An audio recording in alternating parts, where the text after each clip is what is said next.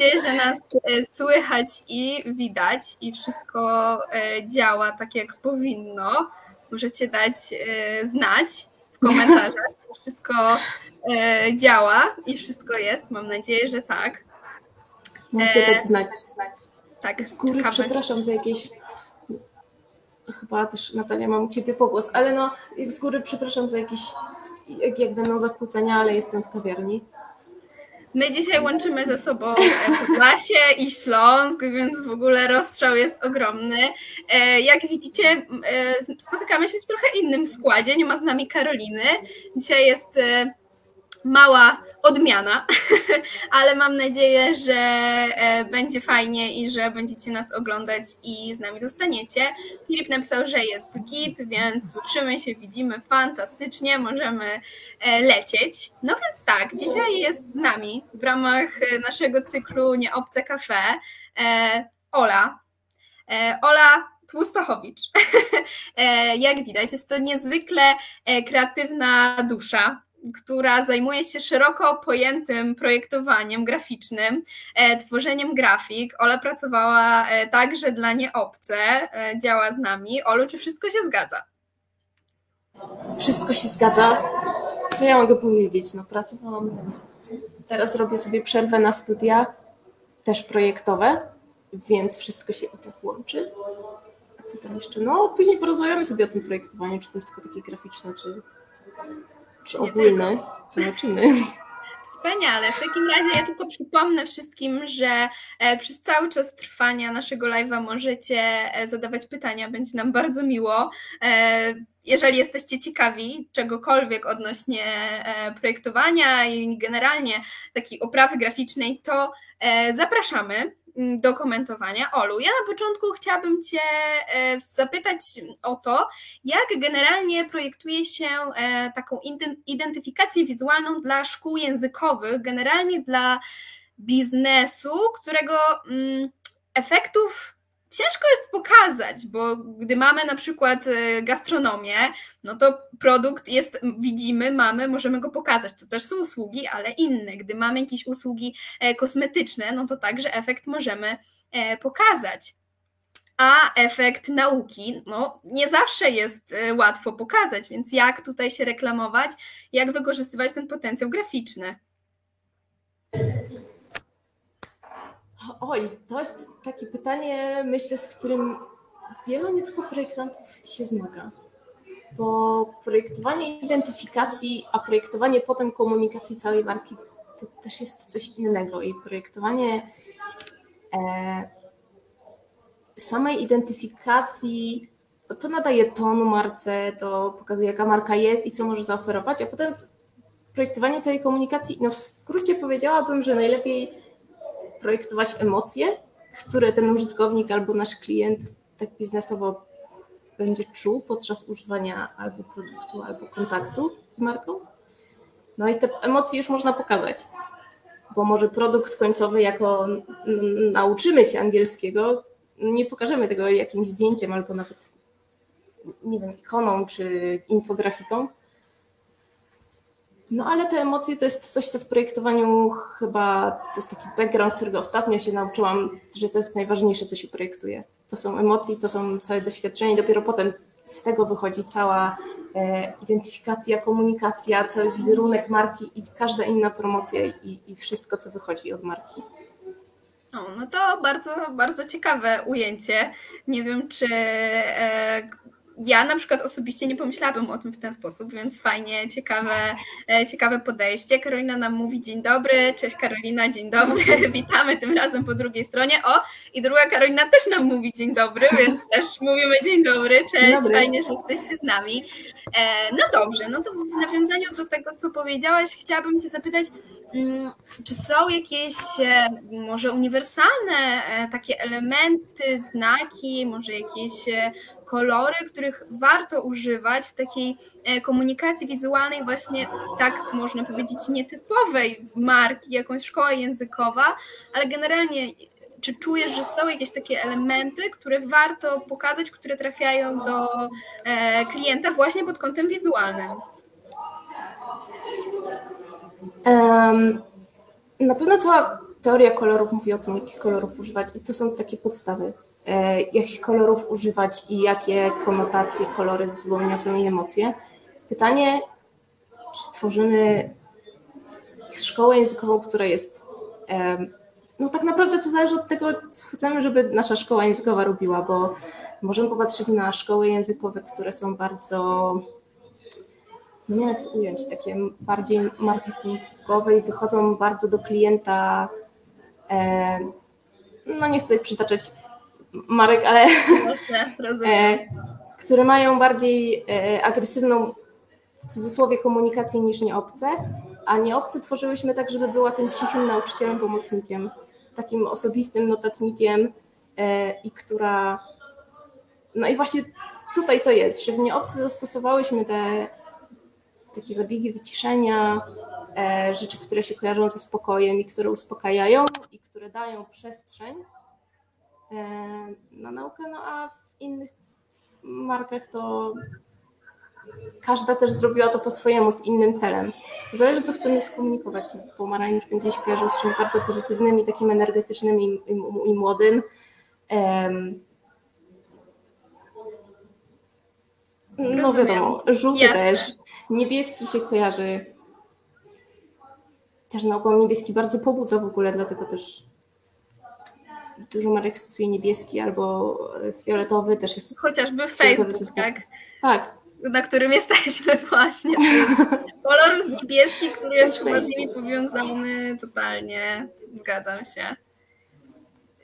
Dla mnie to jest czarna magia. Ja jestem totalnym e, laikiem graficznym, więc tak naprawdę e, wszystkie te informacje, które nam tutaj przekazujesz, są dla mnie bardzo interesujące. Ja na przykład nie miałam e, świadomości tego, e, jak to funkcjonuje. Zgadzam się z tym, że w nieobce właśnie stawiamy na to, że marka jako marka językowa, jako taki pomocnik, jako taki, takie wsparcie właśnie i, i gdzieś tam e, taki właśnie te kolory, które stosowałyśmy, stosujemy, ta komunikacja jest spokojna, bardzo wyciszona, ale właśnie przez to to, to przekazujemy, czym jest właśnie nieobce. Taki no safe space to nauka Dokładnie, języka. dokładnie, takie poczuj się z nami e, fajnie. E, no dobrze, to ja jeszcze w takim razie nawiążę do tego, jak generalnie to już chciałam zadać pytanie, czym mnie obce się wyróżnia, ale to już chyba e, wyjaśniłyśmy, e, więc chciałam zapytać, jak projektowały Ci się dla nieobcy? Czy takie formy właśnie spokojne, wyciszone, czy to jest coś, co lubisz, w czym się dobrze czujesz, czy to jest e, coś, co było dla Ciebie jakimś wyzwaniem i musiałaś się trochę w pewnym sensie przebranżowić? Oj, projektowanie dla nieobcy było oczywiście super, ale oprócz tego że fajnie mi się po prostu pracowało z Tobą i z Karoliną i też z Karoliną jesteśmy przyjaciółkami od wielu lat. Po prostu rozumiał i ja rozumiałam jej wizję i ona wiedziała, co mi przekazać. E, to też nie powiem, że e, ten wizerunek nieobce i ten pomysł na nieobce taki sam się bardzo bliski. Ja go rozumiałam zawsze i, i w ogóle ja też się uczyłam w nieobce od tej, w sensie byłam klientem i uczyłam się języka i to też bardzo mi się podobało, więc tworzenie takich treści to było dla mnie, ok, to było coś nowego na rynku jakby, e, bo to nie był taki agresywny marketing a, e, wizualnie, ale nie musiałam się tego specjalnie uczyć, wręcz przeciwnie, potem musiałam musiałam wyjść ze strefy komfortu, kiedy próbowałyśmy robić jakieś reklamy, które będą bardziej sprzedażowe, posty, które będą bardziej zachęcać, będą takie bardziej przyciągać klientów, do tego bardziej, do tego musiałam się nauczyć żeby to było takie trochę bardziej, wiesz... Przyciągające wzrok, rynek. takie tak przebojowe tak. i tak. tak. Rozumiem. No dobrze, to w takim razie myślę, że tą część biznesowo taką graficzną właśnie pod tym kątem możemy e, na razie zamknąć, chyba że pojawią się jakieś pytania wśród naszych e, oglądających. W takim razie zachęcam. A tu mamy pierwsze pytanie od Karoliny, której nie ma z nami tutaj y, w kamerze, ale Karolina zawsze z nami jest i zawsze wpływa. Więc zadam pytanie od Karoliny, bo to będzie wspaniałe przejście do mojej e, drugiej połowy pytań, już bardziej edukacyjnych. No i tak, pytanie od Karoliny. e, dużo gro, du, duże grono uczniów jest wzrokowcami. Jak w takiej sytuacji pomóc sobie w nauce? Karolina otwarła teraz temat rzekę, naprawdę. e, jak pomóc sobie, kiedy się jest wzrokowcem? Powiem tak, porządkowanie informacji takie wizualne na pewno bardzo pomaga, notatki pomagają. Najlepszy tip, który zrozumiałam, bo tutaj nie chodzi tylko o estetykę. To jest ważne, kiedy się projektuje i estetyka jest ważna um, w, w, rozumieniu tego tekstu, który jest projektowany, ale co zrobić w sytuacji, kiedy my nie jesteśmy projektantami i na przykład nie, nie będziemy pisać czegoś na komputerze, dobierać fontu do tego, no jakby do szeregu rzeczy, o których de, decyduje font, to jest też znowu kolejny temat rzeka, ale kiedy nie chcemy spędzać miesiąca na Pinterestie, wybierając sobie estetykę i, i szukać odniesień, e, no to na pewno notatki wizualne są bardzo ważne. Takie formy, które, które nam pasują. Nie jestem też w stanie powiedzieć, co uniwersalnie działa dla każdego. No ale e, tym jednym tipem, który mi strasznie pomaga w uczeniu się wszystkiego, bo też jestem wzrokowcem i jestem osobą bardzo wizualną, to e, to jest pisanie sobie na karteczkach małych rzeczy i przyczepianie ich nawet po kilka razy i duplikowanie tego, multiplikowanie tego, tego co trzeba się nauczyć i przyklejanie ich wszędzie w mieszkaniu, żeby zawsze widzieć i zawsze, żeby był ten komunikat taki nawet mimowolny, wysyłany na nas wzrokowy tego, co chcemy, co chcemy się nauczyć, czy to jest jakieś słówko, czy to jest... Um, tak. Właśnie to no, może być fajny tip przy nauce słówek, że takich typowo na takim jeszcze e, poziomie od podstaw, na przykład naklejanie karteczki na lampkę, y, jak jest mhm. po angielsku, hiszpańsku, czy w jakimkolwiek języku, którego się uczymy, może nam po prostu pozwolić to zapamiętać, bo gdy miniemy tą lampkę raz, drugi, trzeci, piąty, dziesiąty, to w końcu w tej głowie jednak coś zostanie, a przez wzrok bardzo łatwo wydaje mi się trafić tak, żeby właśnie zostało. Tak. Były przeprowadzone nawet przeprowadzane takie badania, ile razy trzeba coś zobaczyć, żeby zapamiętać.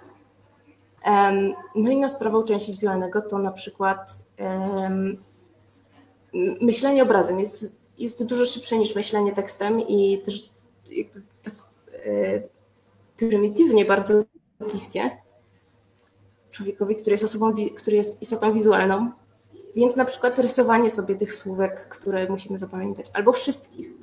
Jeżeli muszę się nauczyć słowa na krzesło, to narysuję sobie przy nim krzesło, żeby wiedzieć, co to jest, ale żeby też zapamiętać, żeby kojarzyć ten rysunek ze słowem. E, dużo też osobom wizualnym pomaga rozrysowanie sobie gramatycznych rzeczy. Na przykład, jak nie kojarzymy czasów w angielskim, to zrobić sobie taki prosty schemat, który będziemy musieli, co zapamiętamy przez jakby przez samo już go rysowanie i rozkminianie, jak to powinno wyglądać, kiedy, kiedy który czas powinien być i już przez to rysowanie to jest już kolejna, taka kolejna iteracja myślenia, że przez to, że przemyślimy, jak to trzeba narysować, to zapamiętamy to lepiej i ta wiedza nam się utrwali.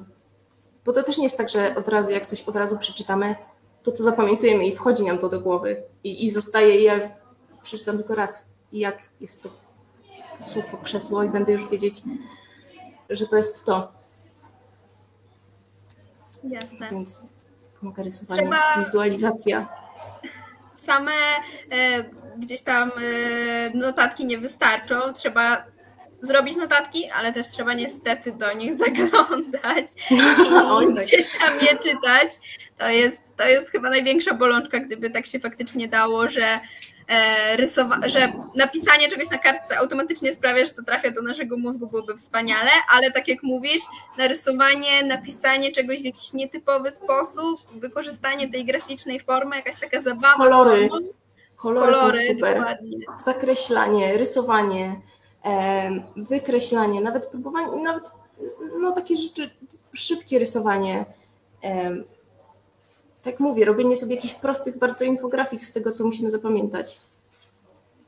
To już gdzieś trafia do naszej pamięci wzrokowej, ale też myślę, że nawet taka pamięć mięśniowa wtedy się e, uruchamia, gdy coś piszemy, rysujemy, to gdzieś tam angażujemy się w całości i fajnie e, można to przełożyć i fajnie można to zapamiętać. Może nie od razu po napisaniu jednego słówka, ale myślę, że po napisaniu słówka, ozdobieniu go, dorysowaniu skojarzeń, naklejeniu go w jakimś miejscu, tak jak no, mówisz, myślę, że to będzie świetne e, rozwiązanie dla, dla właśnie tych, którzy uczą się jako wzrokowcy. Dokładnie tak. Śmiało. Nie, nie mam pytań. Fajnie, że takie pytanie się pojawiło. Dzięki e, Karolina. E, ja miałam do Ciebie podobne pytanie, ale pominę je i przejdę e, dalej, bo zdarza się czasami, mm, to też da się obserwować gdzieś tam na różnego rodzaju stadigramach, na różnego rodzaju blogach, które nawiązują do tego, jak się uczyć często właśnie wizualnie, że te notatki są przepiękne, są po prostu niesamowicie kolorowe, przepełnione, po prostu graficznie wspaniałe, ale mhm. mają za dużo albo za mało tej wiedzy, tak? To, co jest kluczowe, czyli właśnie ta wiedza, schodzi gdzieś na drugi plan. I jak tobie się wydaje, jak to najlepiej wypośrodkować? Ty, jako osoba, która gdzieś tam patrzy na świat e, bardziej kolorowo i bardziej graficznie, e, jak sobie z tym poradzić, żeby też no, nie przesadzić, tak?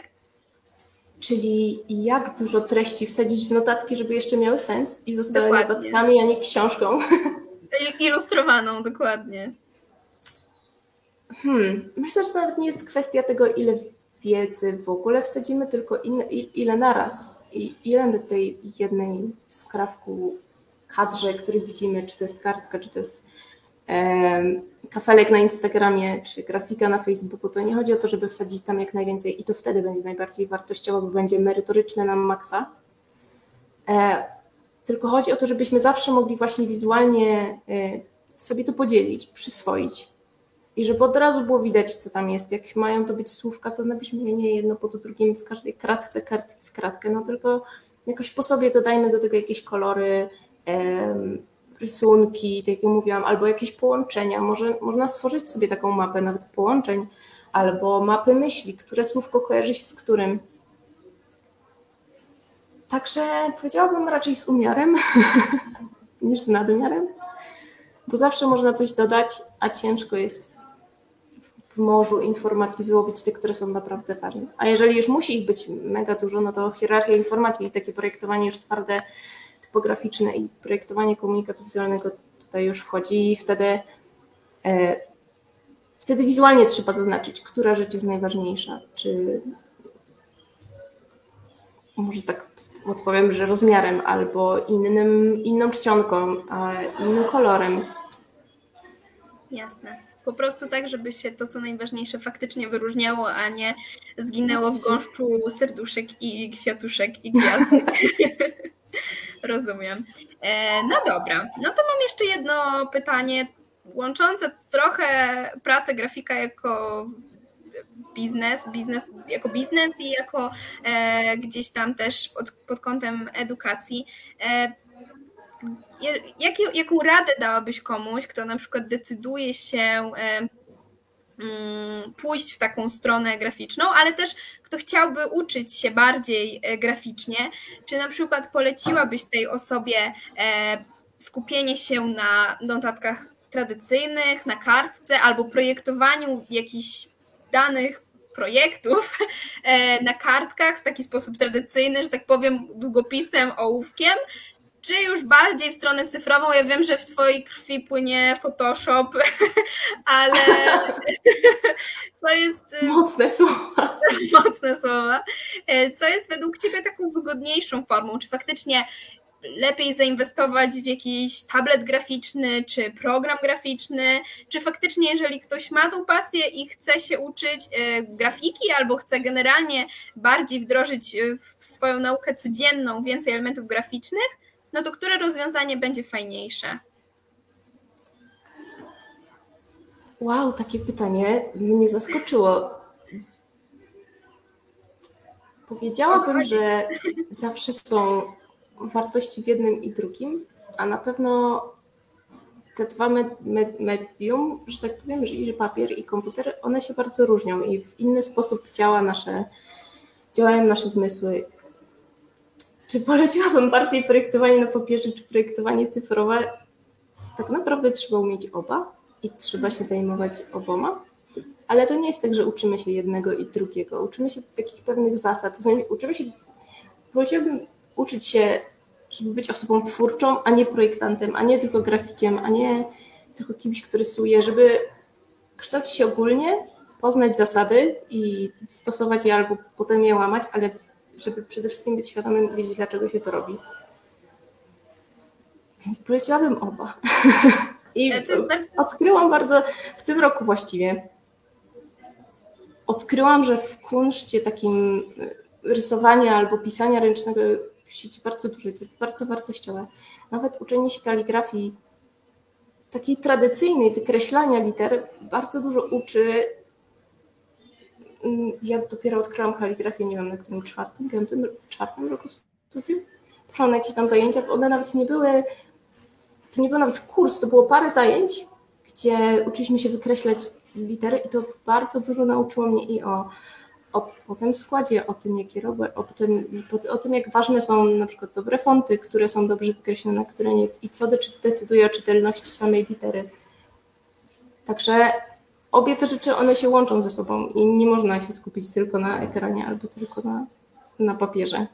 Też to jest tak, że jak się projektuje na papier, to się to robi najpierw na komputerze, ale to trzeba sprawdzać cały czas, drukować, czy tak jest dobrze, czy tak jest niedobrze, poprawiać. To jest bardzo ciekawe, co powiedziałeś, że trzeba tak generalnie artystycznie patrzeć na, na świat, na otoczenie, ale myślisz, że tego się da nauczyć? To jest coś, czego da się wyuczyć? Czy to jest coś, czym się rodzisz, co masz w sobie i żeby zostać grafikiem, trzeba mieć taką wrażliwość? Czy wystarczy się wyuczyć jakiegoś rzemiosła i jakoś to pójdzie? To jest debata w tym środowisku od bardzo dawna. Na pewno są jakieś predyspozycje, e, z którymi się trzeba urodzić. To, ale tak samo jak kreatywność, tak samo estetykę można rozwijać, umiejętności takie manualne można rozwijać, umiejętności kompozycyjne można rozwijać, a przede wszystkim każdy może się nauczyć zasad projektowania i jak to robić. Oczywiście, że jest tym taki pierwiastek, że to trzeba czuć, trzeba mieć rozwinięte, e, rozwiniętą świadomość emocjonalną i, i trzeba być bardzo empatycznym, żeby umieć po prostu wejść w buty, wymyślić, e, co użytkownik czy będzie potrzebował, odczytać to, zbadać to. E, no więc trochę to trzeba mieć, ale też trzeba się dużo nauczyć i nie mówię, że nauczyłam się tego wszystkiego, bo to jest bardzo długa droga i im więcej się dowiaduję, tym więcej widzę, ile nie wiem. Więc powiedziałabym, nie martwcie się, można się tego nauczyć wszystkiego. E, świadomości i, i, i empatii i emocji też się można nauczyć. Super, także drodzy widzowie, drodzy oglądający, którzy planujecie jeszcze rozpocząć swoją graficzną karierę, a jeszcze tego nie zrobiliście, jest szansa, jest nadzieja, być może drzemie w Was ten potencjał, który e, trzeba rozbudzić i trzeba e, się, nie, nie, się, trzeba się mu przyjrzeć i trzeba go e, gdzieś tam zmotywować do działania.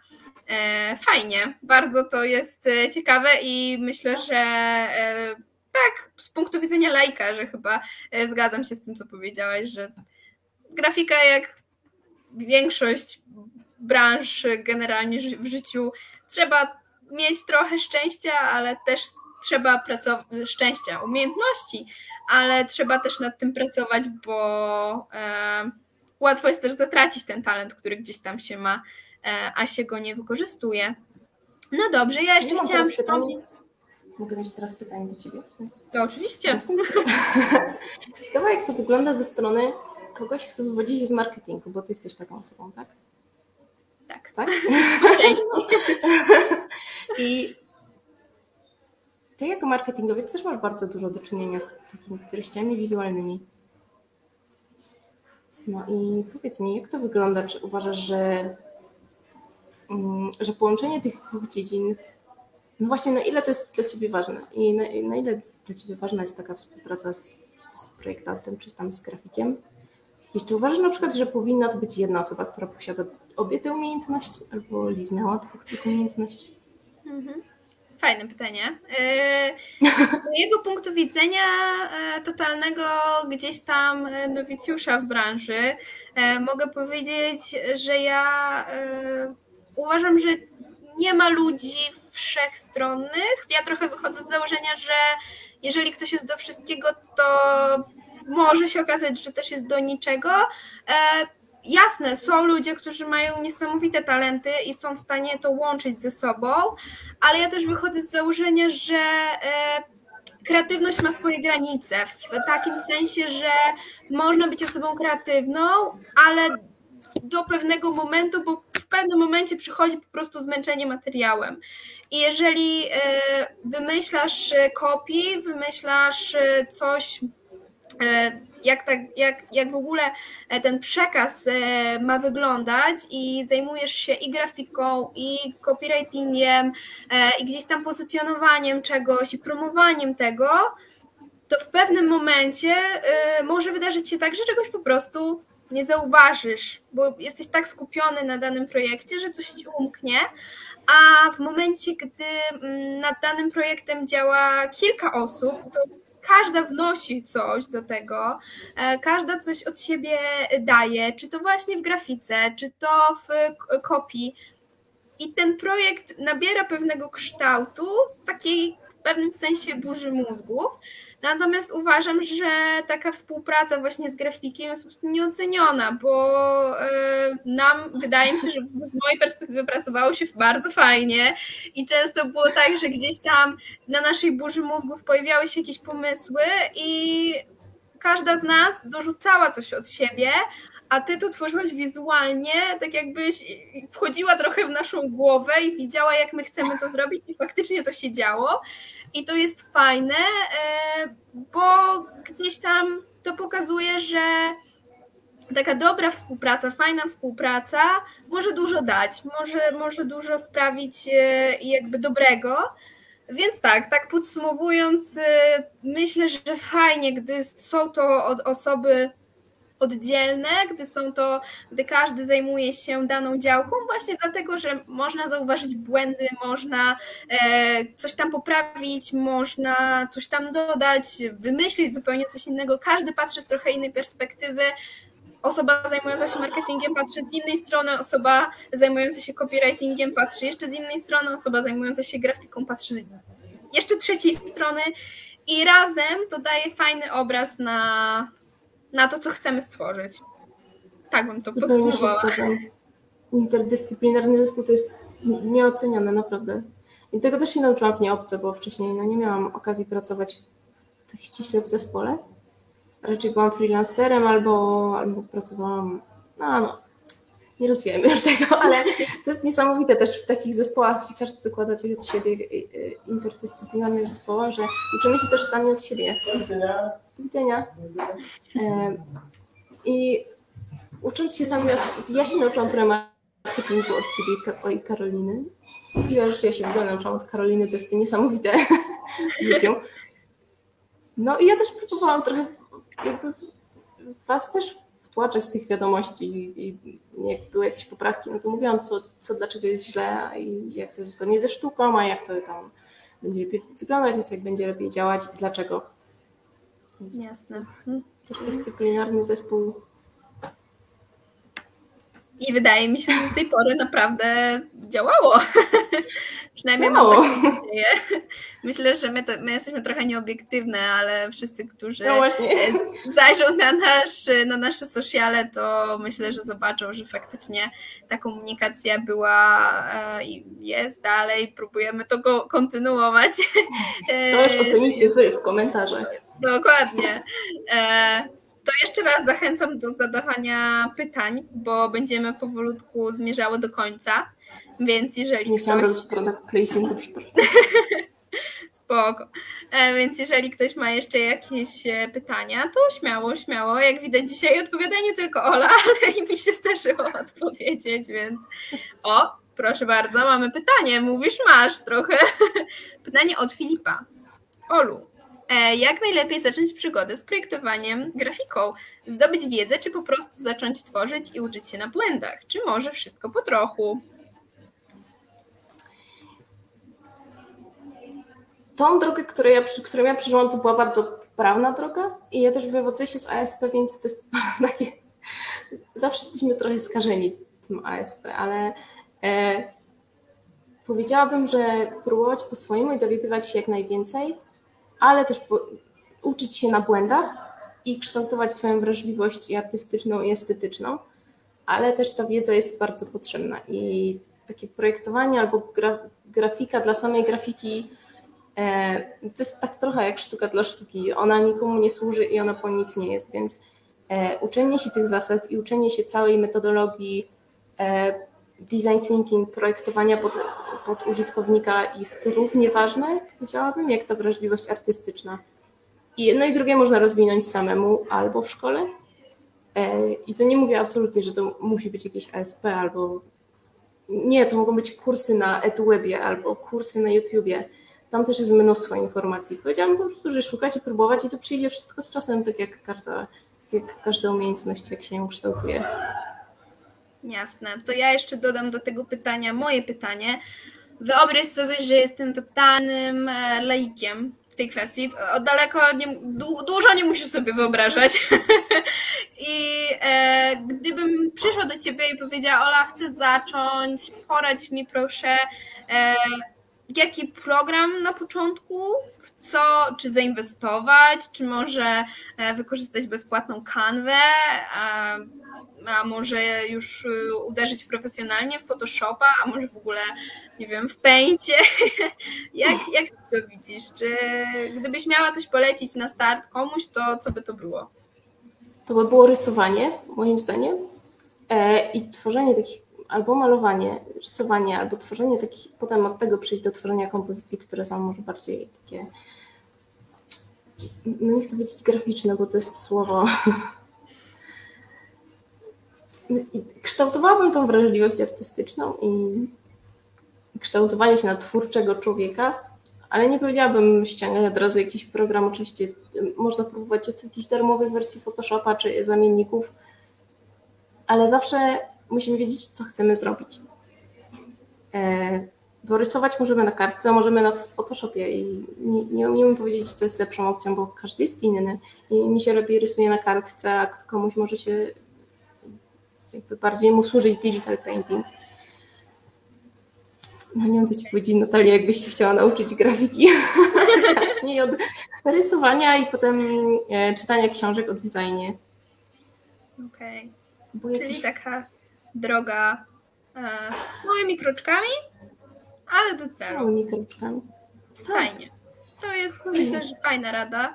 Taka uniwersalna, bo myślę, że generalnie e, wiesz, jakby miała, miała coś polecić, e, nie wiem, jeżeli chodzi o uczenie się jakichś rzeczy odnośnie marketingu, to też bym powiedziała, że powoli, powoli, powoli, ale do celu. Ściśle to.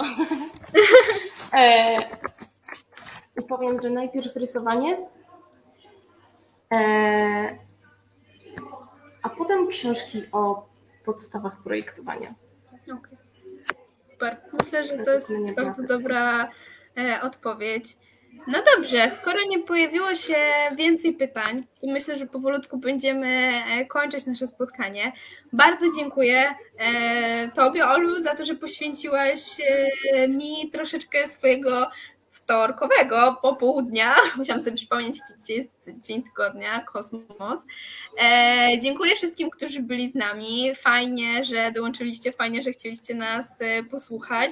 Zapraszamy e, częściej, bo nasz, to jeszcze nie koniec naszego sezonu. Od następnego odcinka wraca tutaj Karolina, więc dla wszystkich fanów e, podcastów prowadzonych przez Karolinę zapraszam. No i tak, dziękujemy bardzo. Olu, jeżeli chcesz coś dodać, to oddaję Ci głos. E, dzięki, dzięki za pytania i dzięki za zaproszenie i dobrze było Cię zobaczyć Natalia i, i dobrze było mieć taki kontakt z Nieobce. To bardzo było ciekawe doświadczenie Nieobca od takiej strony kogoś od taki, taki zewnętrzny.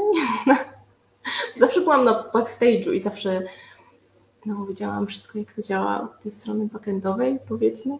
A tutaj zostałam zaproszona i no, niesamowite odczucie to jest. Prawda? No to widzisz, może jak będzie jeszcze kolejny sezon albo jeszcze zupełnie inny pomysł, do którego będziemy mogły Cię zaprosić, to z wielką przyjemnością e, to zrobimy, bo myślę, że fajnie nam się rozmawiało. Chętnie, więc zawsze chętnie przyjdę, bo myślę, że poruszyłyśmy bardzo dużo tematów, a niektóre moglibyśmy rozwinąć. Może to jest pomysł na, na serię? Nic nie mówię. Dokładnie. To na, tej, na naszej burzy mózgów e, z Karoliną będziemy musiały to prze, przemyśleć. No dobrze, dzięki za uwagę. Życzymy e, miłego już w zasadzie e, wieczoru i do zobaczenia w przyszłości. Miłego wieczoru. Szkoda, że jest ciemno, za niedługo przesilenie będzie już coraz jaśniej. Byle do świąt, tego się trzymamy. Cześć! Pa, pa!